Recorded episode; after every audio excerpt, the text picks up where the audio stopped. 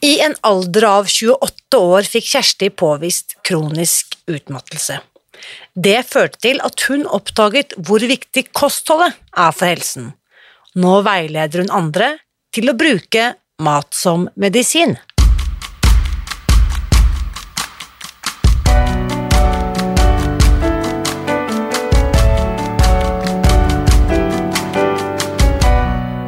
Mitt navn er Irina Lie. Jeg er journalist og forlegger, gründer og sosial entreprenør.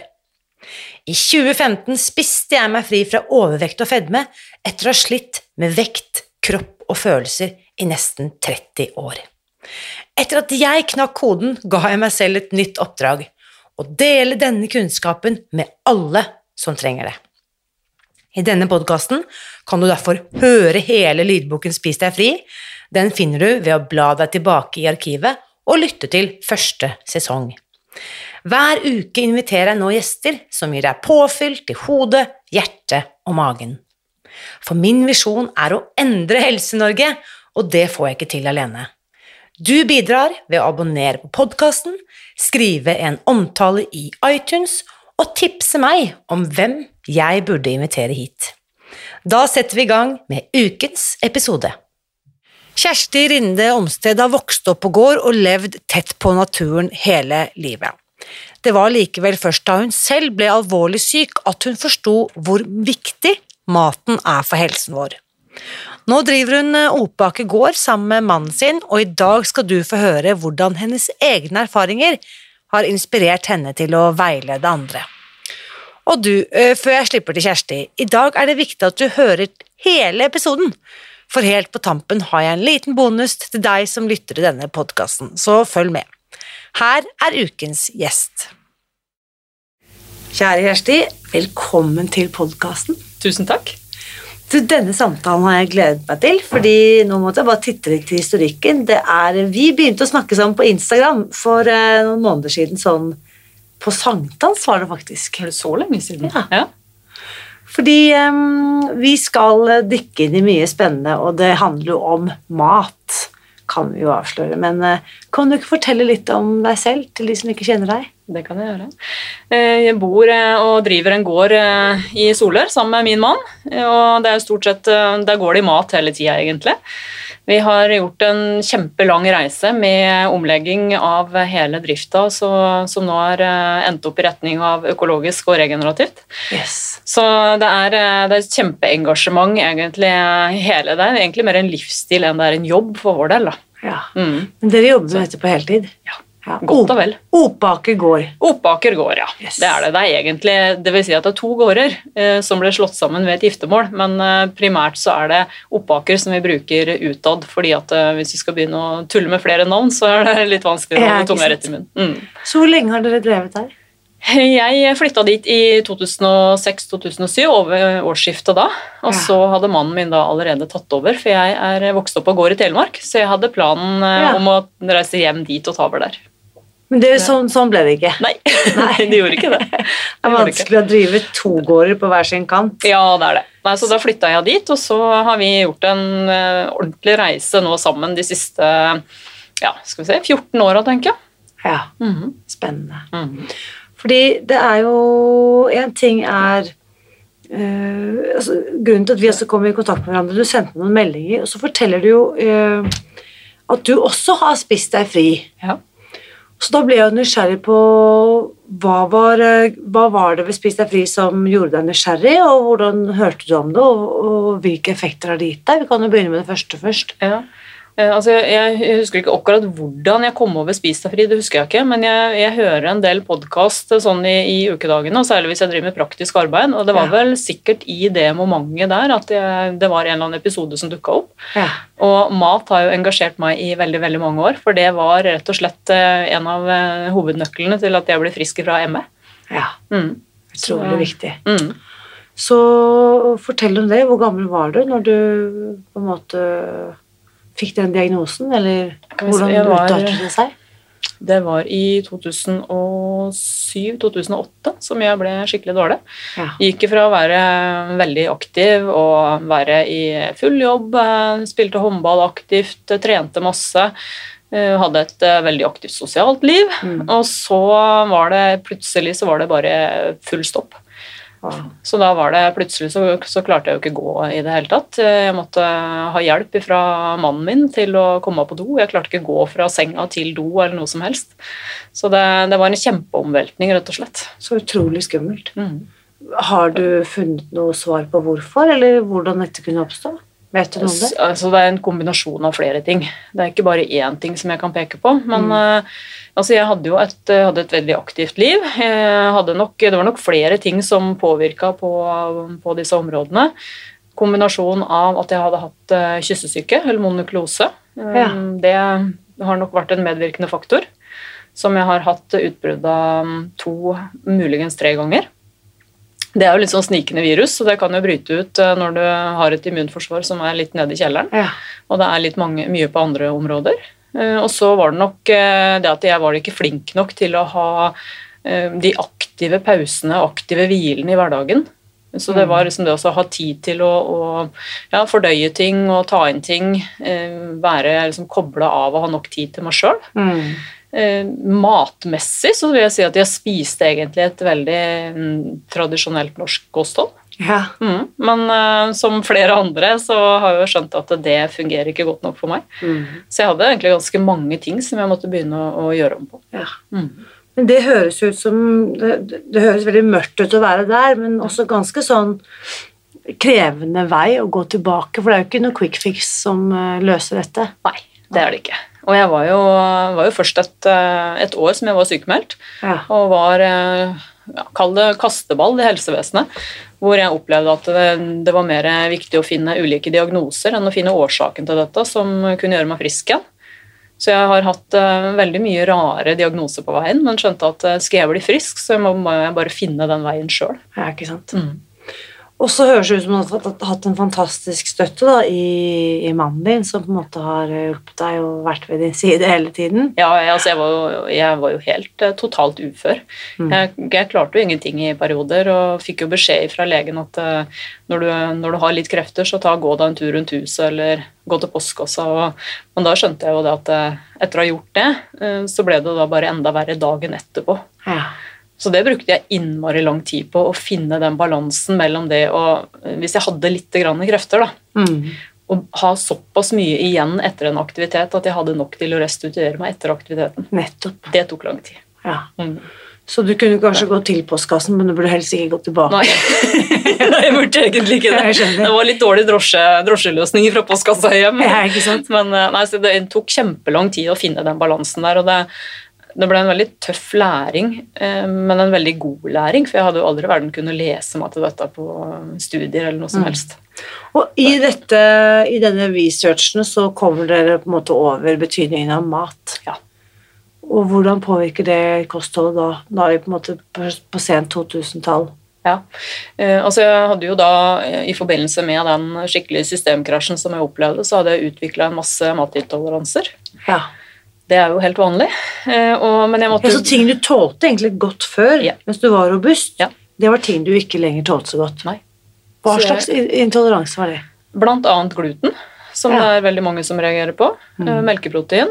eh, Og egg var liksom det som var de store Wow. ja.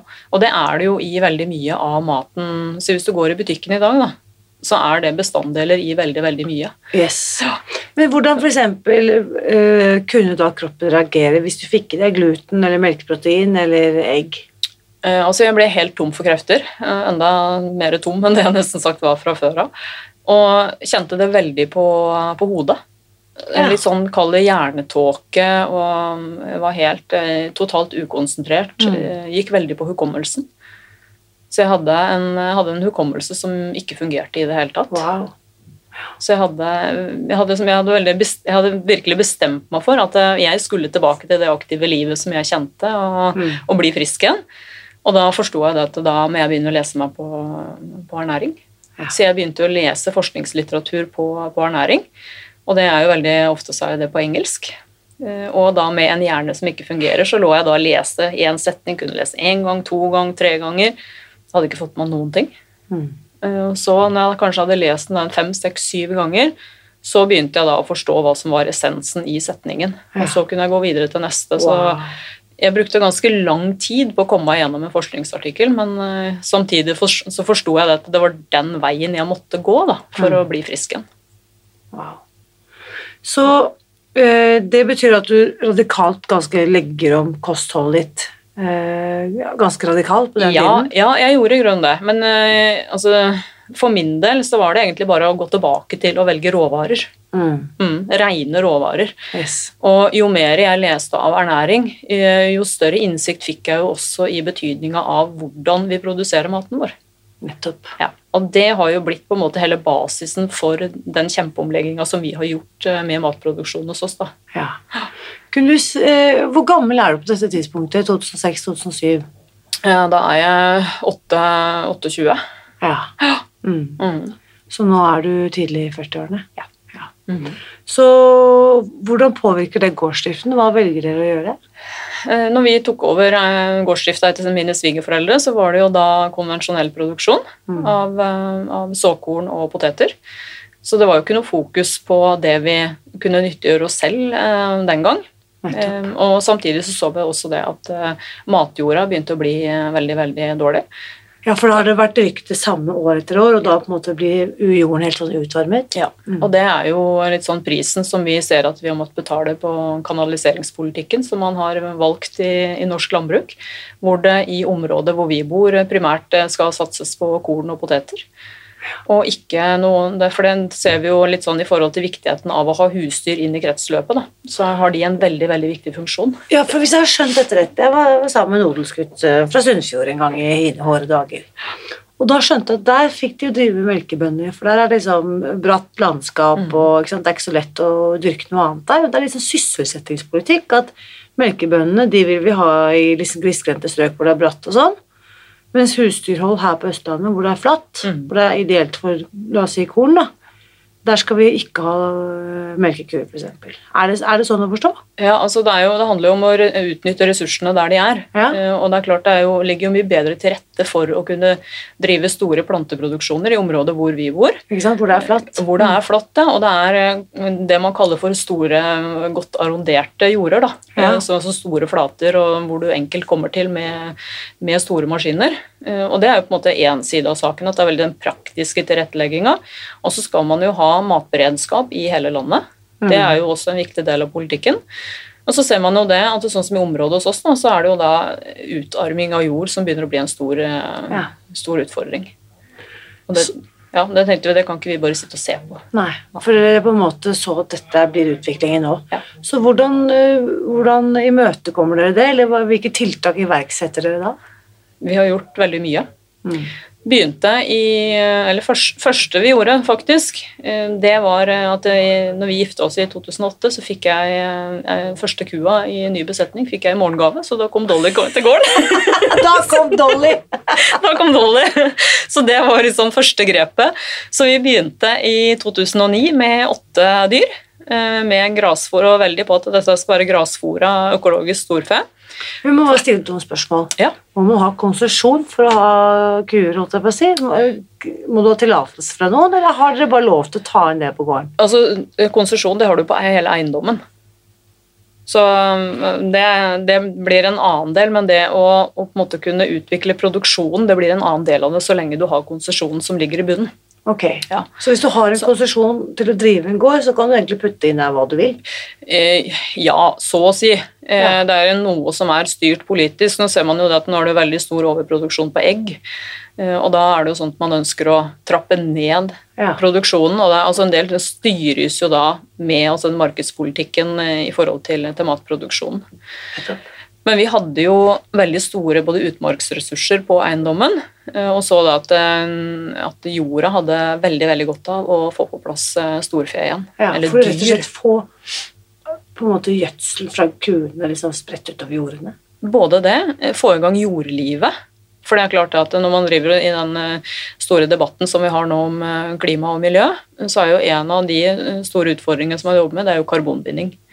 Og karbon det bindes så mye mer stabilt i jorda eh, enn det de gjør i atmosfæren. ikke sant? Og, og den, å få karbonet ned i jorda er en viktig del av karbon, karbonkretsløpet. da da må du ha sunne planter med rike røtter som funker, som kan tiltrekke seg og lage dette karbonet. Ja, eh, Ikke lagre, lagre det, men da må du også ha de gode bakteriene eh, og sopplivet. Det er Ja. veldig vesentlig for helheten. Ja. Eh, Og når man da driver, eh, driver konvensjonelt med, med sprøytemidler og kunstgjødsler, eh, og ganske intens bearbeiding av jorda, så er det egentlig noe som ødelegger særlig for soppen i jorda. Nettopp. Og soppen er vi på en måte helt avhengig av da, for å få det her gode kretsløpet til å fungere. Ja. Og det er også veldig mye å si i forhold til, til næring og næringsutveksling inn i plantene, som vi igjen skal spise. Men dette med liksom, la oss si at sopp og soppfremvekster i jorden kunne ha erstattet eller eh, gjort veldig mye kunstgjødsel overflødig, da. Det høres jo ikke ut som noen god butikk, for det er ikke så veldig mange altså, Dette må jo være en stor trussel mot de som selger kunstgjødsel. Eller? Ja, det, det kan nok fort være. For det er klart at det, det er jo ingen som tjener noe på altså Sånn som Yara, da, som er stor på kunstgjødsel, de tjener jo ikke noe på at vi driver økologisk og regenerativt og jobber med å bygge opp igjen jordlivet og jordfruktbarheten. For det, det, det, dere forsvinner jo da som kunder fra på en måte deres produkter. Ja, det gjør vi. Mm. Men samtidig så ser vi også, sånn som i, eh, i fjor, når de plutselig da stoppa salget av kunstgjødsel da, fordi at prisene gikk så ekstremt eh, opp, Mm. så tenker vi at det, ja, men da har vi en, en veldig redusert sårbarhet da, i forhold til matproduksjonen, når vi ikke er avhengig av tilførsel av kunstgjødsel. Yes. Så det må liksom kanskje en ordentlig sånn krisetid til før man ser verdien av det dere holder på med. Sånn altså, vi opplever det, så er det flere og flere som ser verdien av det nå. Eh, Både i forhold til eh, klima- og miljøbiten og det med, med beredskap og, og redusere sårbarhet, men også i forhold til, til mat og ernæring. Mm. Helse, altså Helse, den, ja. den, maten som virkelig gir oss god helse. Så du, kua Dolly kommer i 2008, året etter har dere en åtte-ni eh, dyr på gården. Hva er ståa i dag? I dag så har vi 111 storfe. Wow. Mhm. Så, eh, og de går jo på, på utmark. Har en kjempeviktig faktor inn i, i det som går på foryngelse av skogen. Eh, Og ikke minst også bidrar til å skape mangfold. Ja. Og på vinterstid så er de en veldig viktig bidragsyter i å gjødsle opp den jorda hvor vi dyrker grønnsaker og korn og gras på, på sommerstid. ja. Og så har vi en eh, besetning med en sau som heter Shropshire. En engelsk langhala sau, fordi at vi er en av få i Norge som driver økologisk juletreproduksjon. Yes. Hvordan, hvordan hindrer at disse sauene og kuene spiser opp de små juletrærne? De er gjerdet inn, da? Eh, Ja, altså, ja eh, jul- eh, juletrefeltet er gjerdet inn, men sauen er ikke noe interessert i, i grana. Nei, For dette er en rase som ikke spiser av grantrærne. Nettopp. Og så har vi også gjort noen forsøk nå med kuene for å se om hvordan det fungerer med juletrær. Og det fungerer også veldig godt. Så, mm, altså det begynner å bli ganske allsidig, og så har vi, begynte vi i 2020 med økologisk grønnsaksproduksjon. Ja. Så jeg har med en liten smak av det på noe som vi drev og testa her i går, for nå driver vi og høster som bare det. Så deilig. Jeg ser at du har litt glass her. Jeg må bare spørre deg nysgjerrig. Hva, hva, hva er det vi ser? Dette er jo veldig vakkert eh, Jeg holdt på å si syltetøyglass, fylt med noe som er utrolig vakkert og grønt. Det er en liten smaksprøve på pesto som vi lagde med, med bladpersille i går. Mm, nice. Men det er noe rødt oppi her òg. Det er litt grann chili, Ah, og så har jeg litt mandler oppi. nettopp. Så dette er litt bare en prøveproduksjon, for det blir jo mye prøving og feiling når en driver sånn som det vi gjør, men det, da er det om å gjøre å feile i småskala. Altså. Ja, feile sylteglasset å og justere, og så før man uh, produserer bøttevis. Mm. Men så nå har dere grønnsaksproduksjon, og hva er det dere dyrker da på Oppaker? Åh, det begynner å bli ganske mye nå. Nå er det første gang i år siden vi kutta ut potet i 2007. Ja. Så nå har vi økologisk uh, potet. Og er, altså, vi sitter nesten bare og spiser uh, potet med smør og salt på, for det er så god. Ja, det er så vanvittig godt. ja, det er det. Og så har vi masse forskjellige kålvekster. Mm. Uh, både blomkål i ulike typer, brokkoli, vi har hodekål, både rødt og grønt, og det er Mm. masse forskjellige urter. Vi har mais, det er gresskår, det er squash, det er rosenkål, grønnkål. Palmekål. Palmekål, ja. Det har vi også. Ja. Uh, ulike erter, bønner, mais, purre. Ja, det begynner å bli ganske, ganske allsidig. og det, Nå har vi på en måte liksom bare så vidt starta. Og så har vi litt uh, frøproduksjon for uh, et firma som heter Solhatt på Stange, som driver med økologisk frøproduksjon. Yes. Mm. Hva slags frø er det? I år så har vi reddiker og bønner. Mm. Mm. For det er også en viktig del av det arbeidet som vi gjør, det er å bidra til at vi har frøberedskapen i Norge, rett og slett. Ja, mm. nettopp så at vi kan sørge for at det kan plantes mer i årene som kommer. Ja. Det er, det. det er sånn man, Jeg aldri tenkt på at vi må ha frøberedskap. Liksom. Det er ikke noe som er veldig langt fremme i bevisstheten min. Nei, Nei og det, som regel så snakkes det ikke noe om det heller. Mm. Men det, skal, det, hjelper ikke om vi har både kompetanse og utstyret hvis ikke vi har frøa som skal på en måte gi oss neste års uh, mat. Da. Mm. Ja, ikke sant? Mm. Men nå når dette spilles inn, så er vi jo straks i oktober, og nå er det jo liksom markens grøde. Altså nå er det jo bare bugner det jo, ikke sant? Mm, det gjør det. Er, vi, vi, høster og høster og høster nå. og Vi fermenterer og vi tørker og sylter og ja. Men nå er det sånn at eh, tidligere i år så ble jo jeg andelseier ja. eh, på Øverland, da, eh, her utenfor Oslo, eller i Bærum. Har dere noe sånt? Har dere invitert de naboene til å komme og være med på ja. å drive gården? Ja, vi har, eh, vi har, en del som er med som andelseiere. Ja, så og, det, og det er innmari morsomt, og særlig i forhold til unger. Ja. Og det å la de få lov å gå i åkeren og plukke og smake, og mm. plutselig så får de liksom utvida horisonten så ekstremt. Ikke sant? Ja. Og det, det, er noe helt annet, tror jeg, også som barn å kunne være med og plukke ting og mm. se hva, hva er det egentlig dette her smaker kontra det å gå i butikken og kjøpe det. Ja, ikke sant. Så vi hadde en, I fjor var det, da drev vi, tok opp gulrøtter. Mm. Og så hadde jeg med minstemor var med ut og plukka gulrot eh, etter at eh, opptalen hadde gått der. Og da ligger det igjen alle disse rare gulrøttene med to bein og de med nesten sagt ti bein og vridde og ja, Det ser jo ut som troll, veldig mye av det. Mm. Så hun hadde med seg en stor pose på, mm, på skolen. Ja. Og da var det så mange unger som Nei, men dette er ikke gulrot. Den ser Nei, ikke sånn ut. Nei, ikke sant. Men det tenker jeg er en sånn viktig oppgave for vår del også, da, å, å, vise litt det her mangfoldet som faktisk er der. Mm. Og det er jo Jeg har en god venninne som uh, i USA som jobber som barneskolelærer med de aller minste. da. Og da hadde hun uh, sagt til elevene i morgen så skal dere alle sammen ta med en whole food, altså en råvare, på skolen. Og noen kommer med en gulrot, og noen kommer med en potet og litt sånn forskjellig, da. Så kom det en uh, gutt med en pakke Oreo-kjeks. Ja. Og så sier min venninne at uh, Men kjære, det er liksom dette Hva tenkte du her? Jo, dette er liksom a whole food. Dette er liksom mat uh, liksom he, he, Helt komplett måltid da, denne her Oreo-kjeksen. Og så ble min venninne litt sånn i stuss. Hvordan skulle hun forklare hvor skal vi begynne? liksom? Her var det tydeligvis en sånn grunnleggende kompetanse som var helt fraværende. Så sier hun når du går i butikken, så må du se etter den maten som ikke har noe innpakning.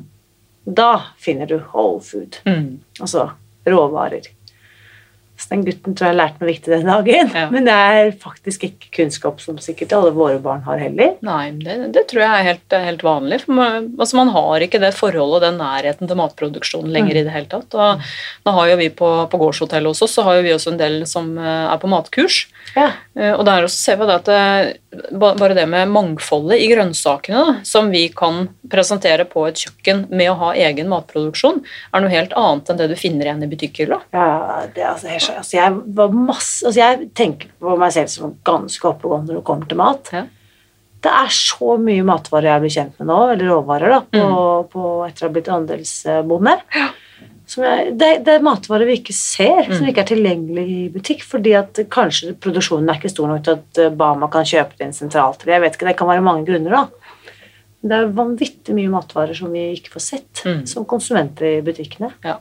Og det er jo liksom, altså Hele matsystemet det er jo en kjempestor annen, annen, diskusjon, men jeg tenker det at eh, vi som produsenter også, og ja, sånn som du er med på, på andelslandbruk også, da, så har man en unik mulighet til å bli kjent med helt andre typer grønnsaker. Mm. Og, og, er det noe hele systemet vårt trenger, så er det jo mangfoldet.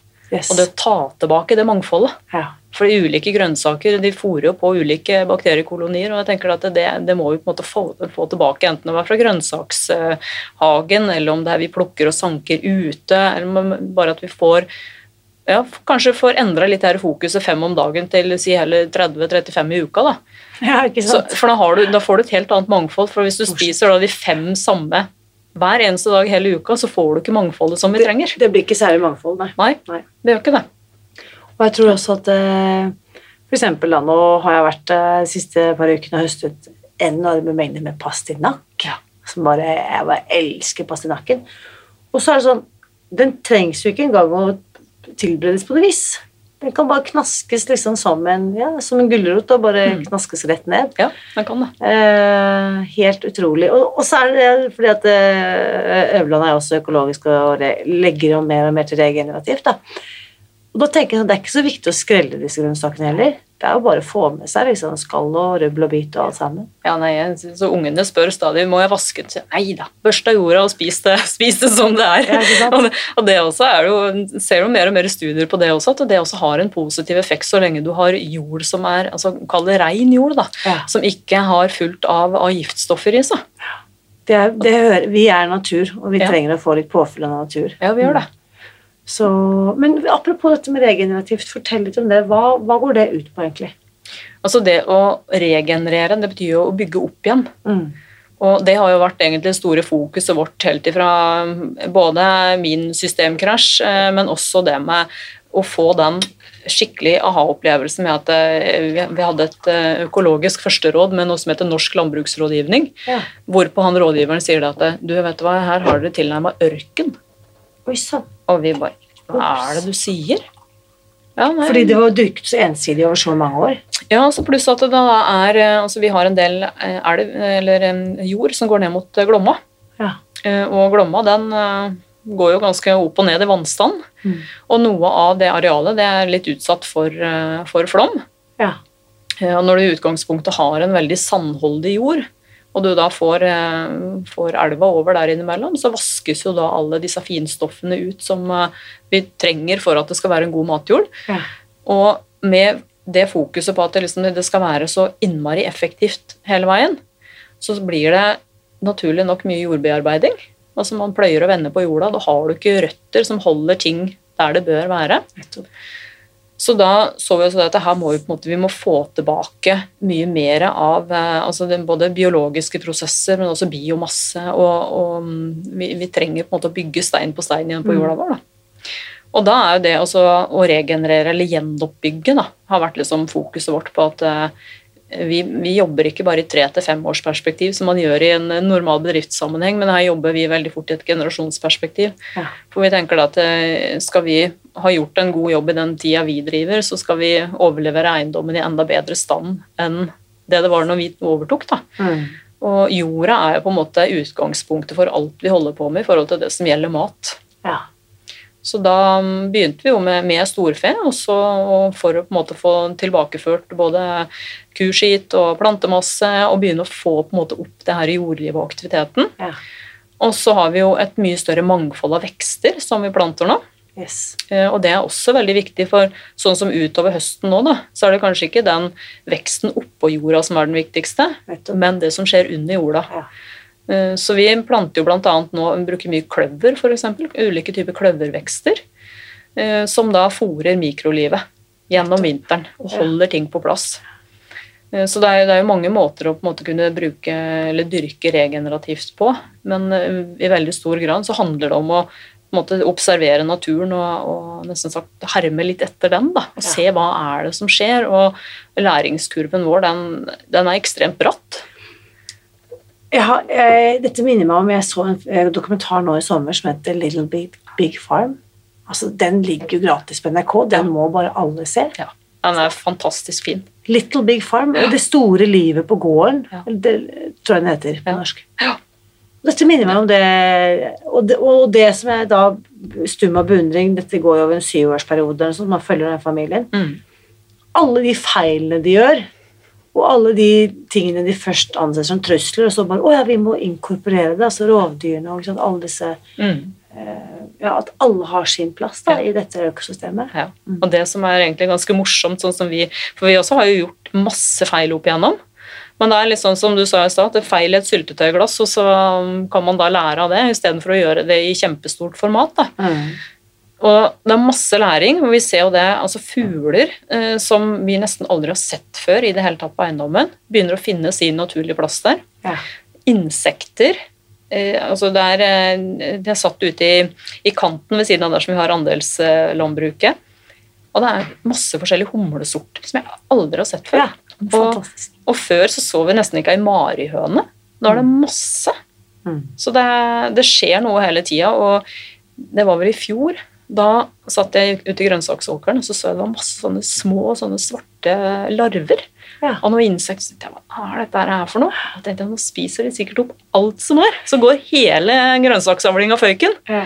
Så jeg, vet du hva, nå må jeg finne ut hva, hva er dette her for noe. Eh, og da skjønte jeg at dette her er larver til noe som heter løpebille. Ja. Og løpebille er jo et predatorinsekt som spiser andre insekter som kan være skadeinsekter. Nettopp.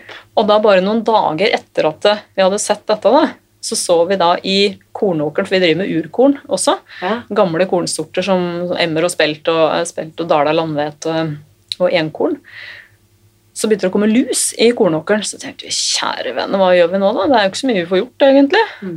Eh, Så vi tenkte jeg, vi får bare vente og se da, hvordan dette her eh, drar i vei. Og så har jeg en svigerfar som han er jo vant til at eh, når det skjer sånne ting, da må vi ut på åkeren og sprøyte, for det er jo måten som de har gjort det på. Mm.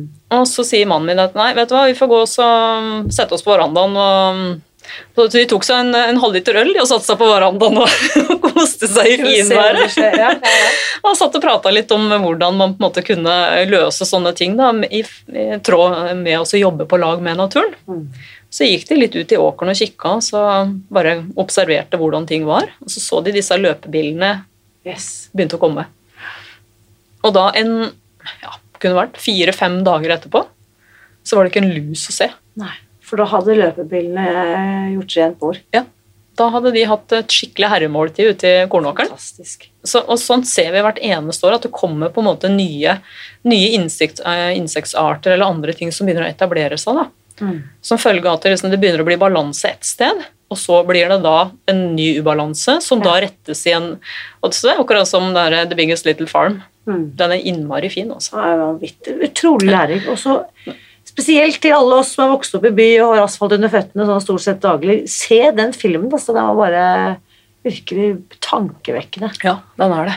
Og det, så det liksom med, med det perspektivet der også, så finnes det så mye gode muligheter både til eh, å kunne tilby folk eh, skikkelig mat, Ja. eh, men også det å ha gode løsninger i forhold til det som vi har vår store utfordring med, i forhold til klima og miljø også. mm. Mm. Det er virkelig vinn-vinn-vinn. Mm. Ja. Så men jeg best nysgjerrig, hvordan eh, Så ramler du da over Spis deg fri på et eller annet tidspunkt på denne reisen. Ja. Eh, Du spiser deg da først fri fra ME, da, kan vi si, for typ over ti år siden. Ja. Ti-tolv år siden. Så hva skjer videre med, med de justeringene du har gjort på kostholdet? Hva gjør at du da på en måte etter hvert også blir nysgjerrig på å spise deg fri? Ja, hva kom først? Det, altså jeg begynte jo veldig mye med, med kosten, for det forsto jeg det var som en av hovednøklene. Og det å også spise mat som jeg kjente som roa hele systemet mitt, Ja. som gjorde meg godt, eh, og det som gjør meg godt, det er jo ikke sikkert at det gjør deg godt, og det er mye av det som jeg jobber med i dag også, for nå jobber jeg med en del som har ME. Ja.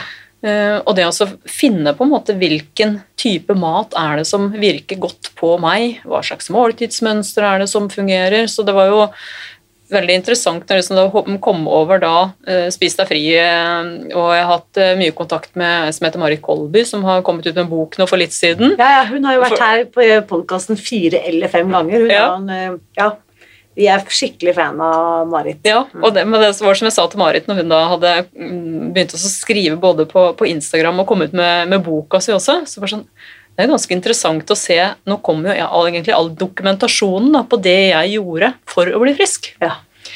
Eh, Og jeg må si jeg er innmari glad for at eh, alt dette her begynner liksom å, å bli satt i et system. Yes. Og at det snakkes mer og mer om det også, for det trenger vi virkelig. Altså. Mm. Mm.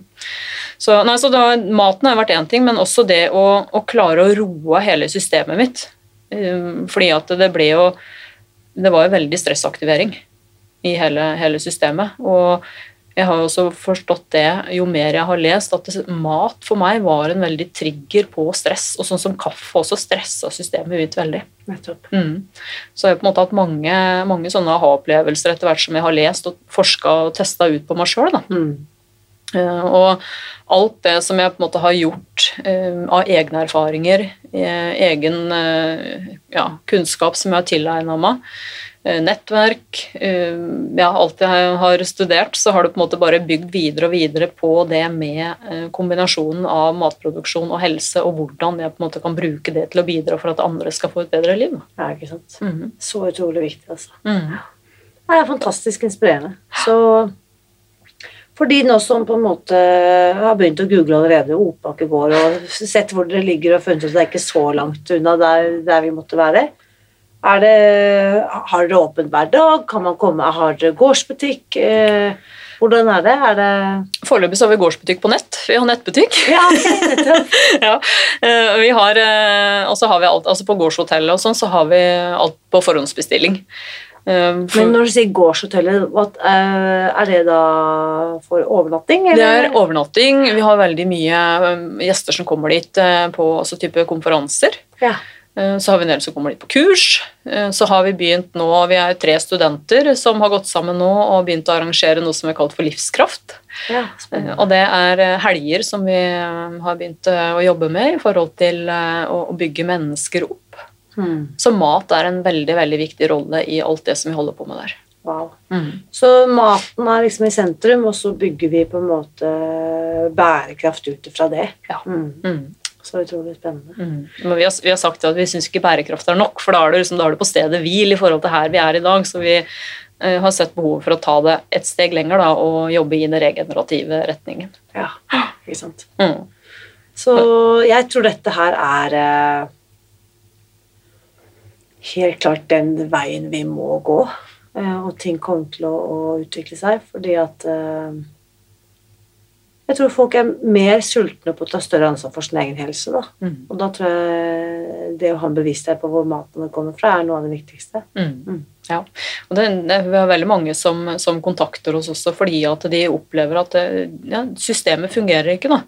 Og særlig i forhold til det med, med glutenproblematikk. Ja. Der er det veldig veldig mange som har store utfordringer med, med den moderne altså om det er brødbakst eller hva det er for noe, men basert på de moderne foredla kornsortene. Ja.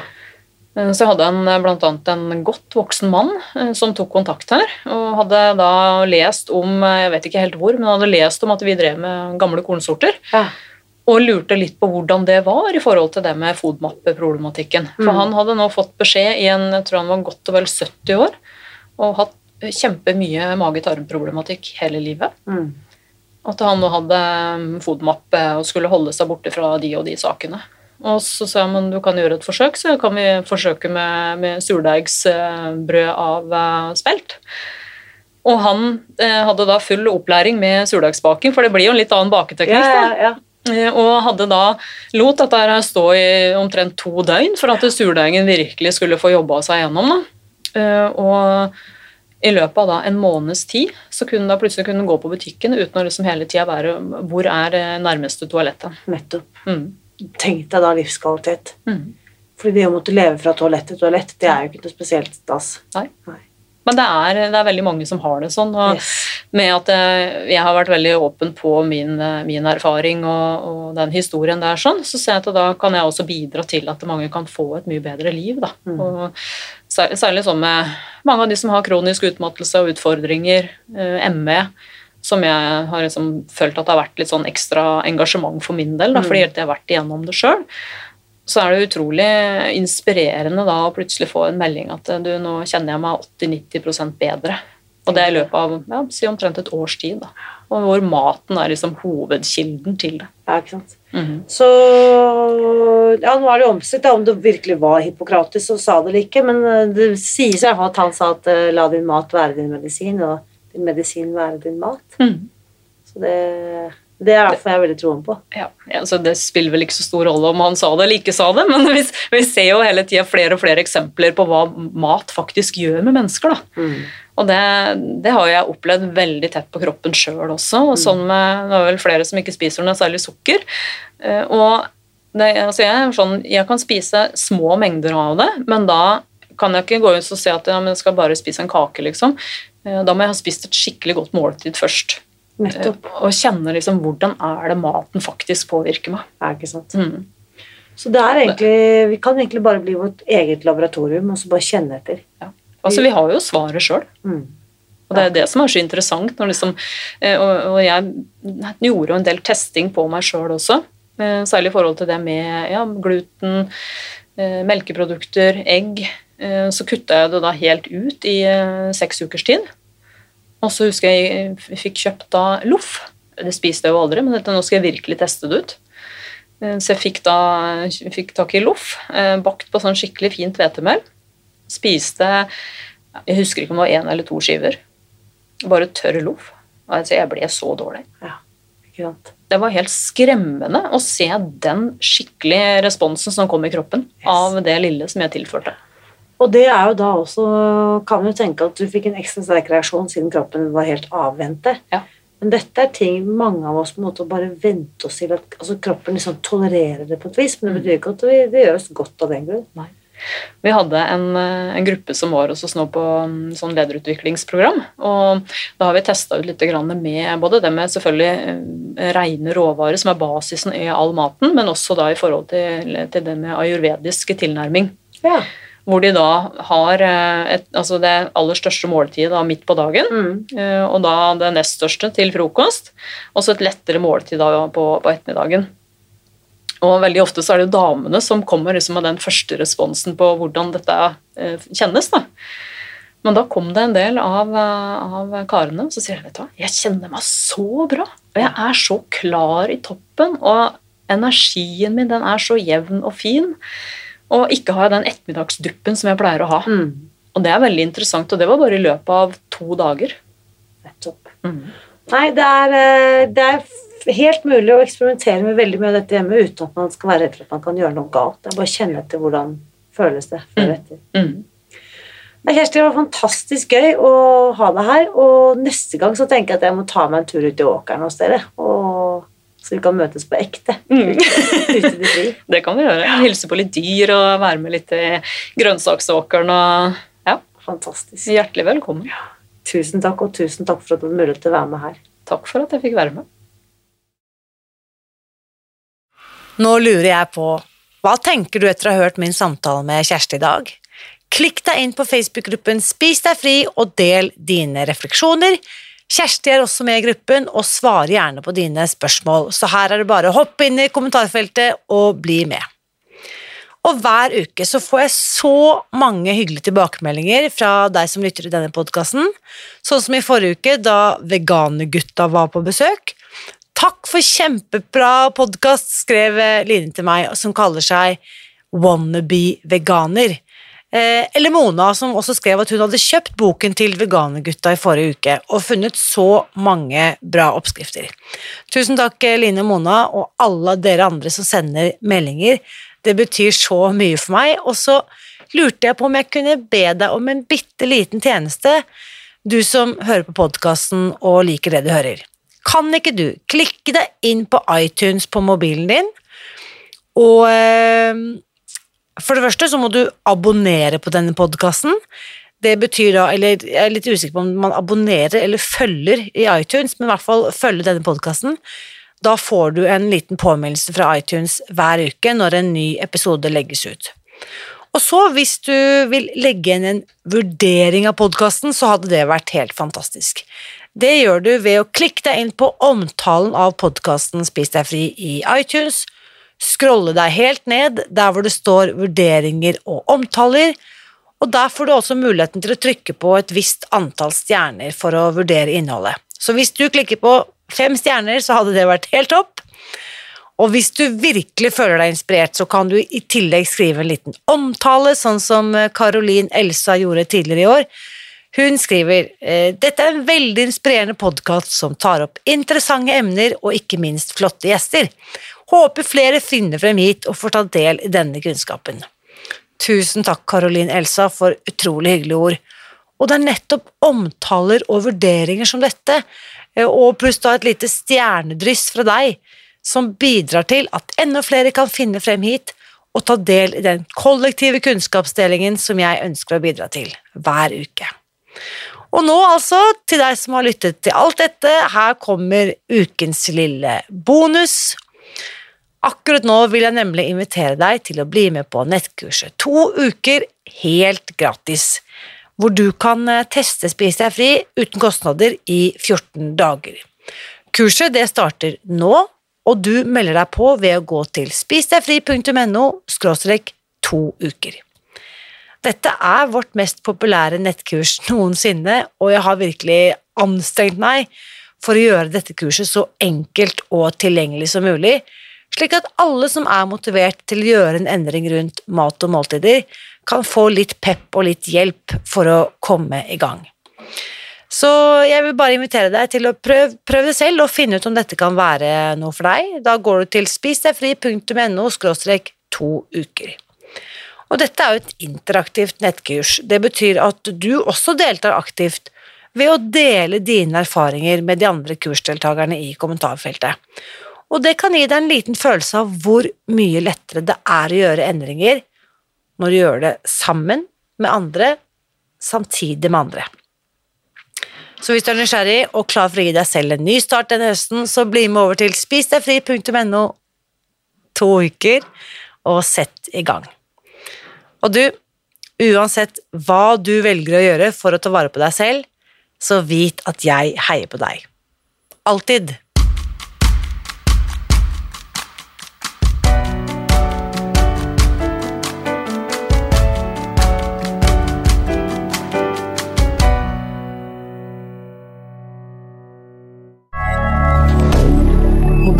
Moderne media.